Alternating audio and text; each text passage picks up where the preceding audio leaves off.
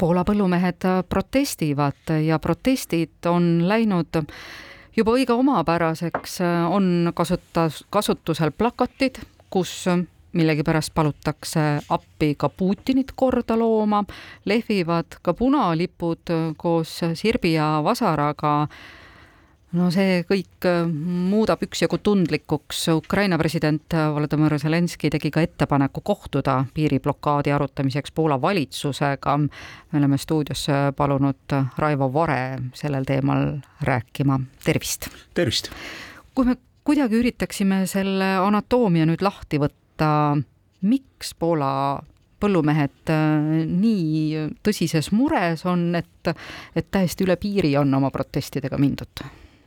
No asja sisuline pool on seotud, äh, see on siis põllumajanduslik nii-öelda aspekt on seotud sellega, et äh, osa sellest äh, Ukrainast tulevast teraviljast, mis on piisavalt kõrge kvaliteediga ja on oluliselt odavam kui Euroopas toodetav teravili, kipub jääma ühel või teisel viisil sinna Euroopa riikidesse, mitte ei liigu sinna edasi, kuhu ta algselt deklareeritakse, peaks liikuma ja poolakate väide, nüüd nende samade põllumeeste väide on, et ainult kolmandik viljast läheb edasi, kaks kolmandikku jääb kuidagi sinna kuhugi nendesse mm, Poola viljahoidlatesse ja läheb nii-öelda kasutusse koha peal, mitte ainult Poolas, ka teistes riikides seal kõrval.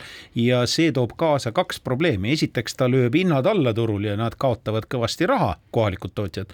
ja teiseks ta tekitab probleemi ka sellepärast, et ta lööb täis äh,, ega neid äh, laovõimsusi ei ole lõpmatult, neid on teatud hulk piiratud hulk ja siis lööb need võimsused eest täis, samal ajal oma põllumeeste saak ei mahu enam sinna ära, nii et noh, see on nagu see majanduslik taust, poliitiline taust on seotud sellega, et äh, Poolas on äh, nende põllumeeste protestide organisaator on tegelikult juba tuvastatud isik, kes on selgelt seotud Venemaaga, Venemaa sõbralik olnud ja, ja nii-öelda alustanud seda protsessi äh, jõuliselt ka mingil määral sellistel kaalutlustel. Ja teiseks midagi ei ole teha noh, ütleme niimoodi, et ähm, see äh, positsioon, mis on võimude poolt olnud, on väga ambivalentne olnud. ma tuletan meelde, et eelmise äh, valitsuse põllumajandusminister võeti ju maha praktiliselt selle eest möödunud äh, aastal nüüd eh, kogu see valitsus ise eesotsas peaminister Moravetskiga mängis ka kahepalgelist mängu, kord oli nii, kord oli naa.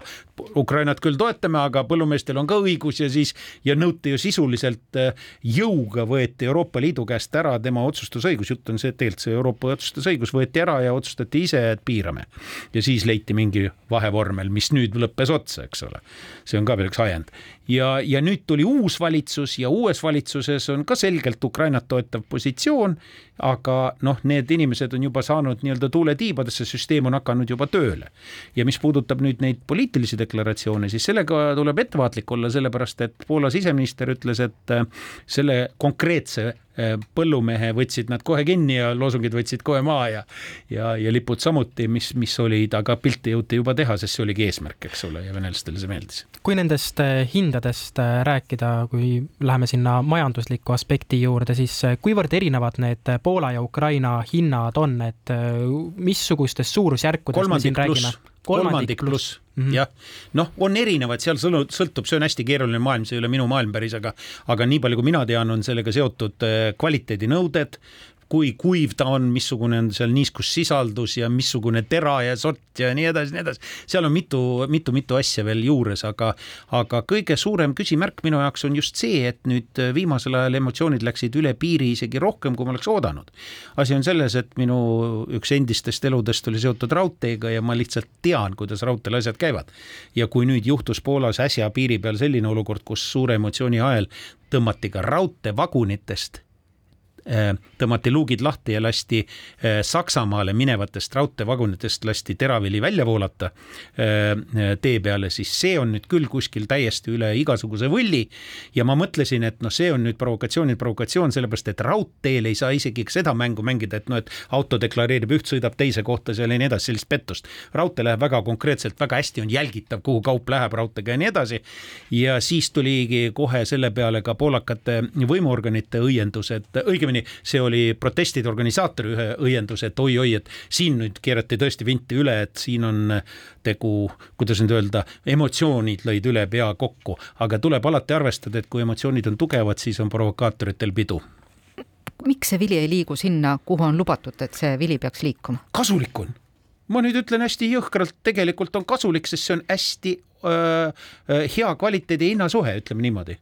ja, ja kuna vahepeal oli ka see probleem, eks ole, et see merevedu, mis on suurem osa kogu selliselt oli kinni, siis noh, maismaa kaudu tuli suurem osa ära transportida ja siis oli surve ka suurem ja sellest suurest teraviljavoost siis pudenesid ka need koha peale need tükid, mis jäid alles ja rikkusid kohapealsetele turu ära, eks ole, rohkem maha kui enne kas siin on ka see Poola põllumeeste võib-olla luhta läinud lootus, et nad arvestasid sellega, et sõda sealt kraami peale ei tule, paneme rohkem vilja maha, teeme, teeme suurema portsu ja siis tuli veel hea viljasaagi aasta ka näiteks ja ja ongi ülejääk. ei ole välistatud, et see ongi niimoodi ja see kahjuks on, ütleme niimoodi, et ega siis see vedu ju, kus, kuhu ta peaks minema teoreetiliselt, kui ta transiiti läheb läbi Poola, ta peaks minema Poola sadamatesse, Gdańsisse ja Gdanskisse. aga kui ta sinna ei jõua, siis, siis tegelikult selge see, et ta jääb ju kuskil tee peal maha ja noh, ja see on nii segane ja seal tegelikult on veel eraldi teema on veel see, kes sellega tegeleb. sellest ei räägi üldse keegi. selle äriga tegelevad rahvusvahelised suured tegijad.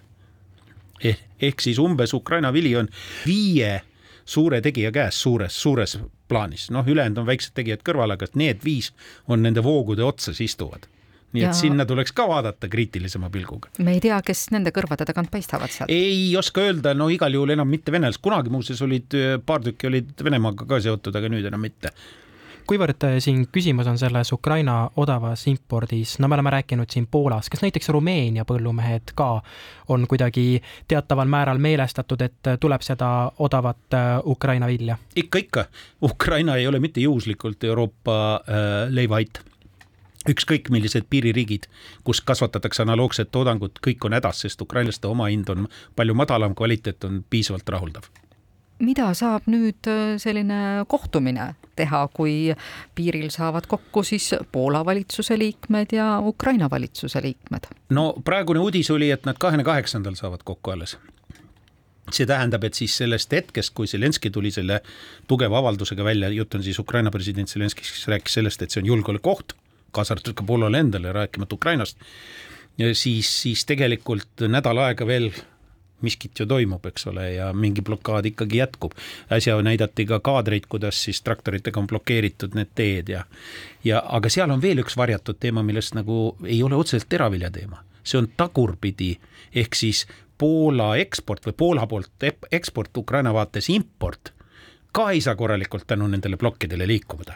ja seal ei ole ju enam teravili, seal on ju hädavajalikud kaubad Ukraina jaoks, mis on sõjapidamiseks vajalikud ja mis on tsiviilühiskonna eksistentsiks vajalikud kas see on nüüd see julgeolekuoht või seisneb julgeolekuoht veel milleski muus, kui me selle ka lahti harutame? no see on kindlasti julgeolekuoht, sest on hädavajalikud materjalid, eks ole, sõjapidamise seisukohast ja teiseks on kindlasti on probleem ka selles, et kogu see protsess ise, see on ju lõhkuv protsess ta lõhub seda lääne ühtsust, ta demoniseerib äh, Ukrainat ja kedagi ei huvita seejuures, mis seal ümber toimub või mis see üldse, miks, et algpõhjus on ju Venemaa lõppude lõpuks, eks ole. see nagu kedagi väga ei, ei huvita ja kahjuks ei, see on venelastel kasulik. sest noh, Venemaa äh, nii-öelda unelm on, et Euroopa lõheneb ja praegu on olukord, kus äh, süüdi ei ole Poola põllumees, kes tahaks lihtsalt oma vilja müüa sellise hinnaga, mis see justkui peaks väärt olema, ei ole süüdi Ukraina põllumees, kes on saanud oma viljast lahti, vaid pigem on kusagil needsamad äh, üksikud viljaärimehed, kes seisavad taustal, kellest mitte midagi keegi ei tea no asi on ju selles, et tegelikult on see probleem ka tuleviku jaoks, sest kui me räägime võimalikust Euroopa Liitu minekust Ukraina puhul, siis on ju Ukraina teravilja küsimus ju ka tulevikus. ja veel teravamalt kui praegu see on punkt üks, punkt kaks, ta on märkimisväärselt tegelikult, eh, Euroopa ise on märkimisväärne teravilja eksportöör, nelikümmend miljonit tonni ekspordib ju Euroopa ise, noh, kusjuures Ida-Euroopa põllumehed sealhulgas.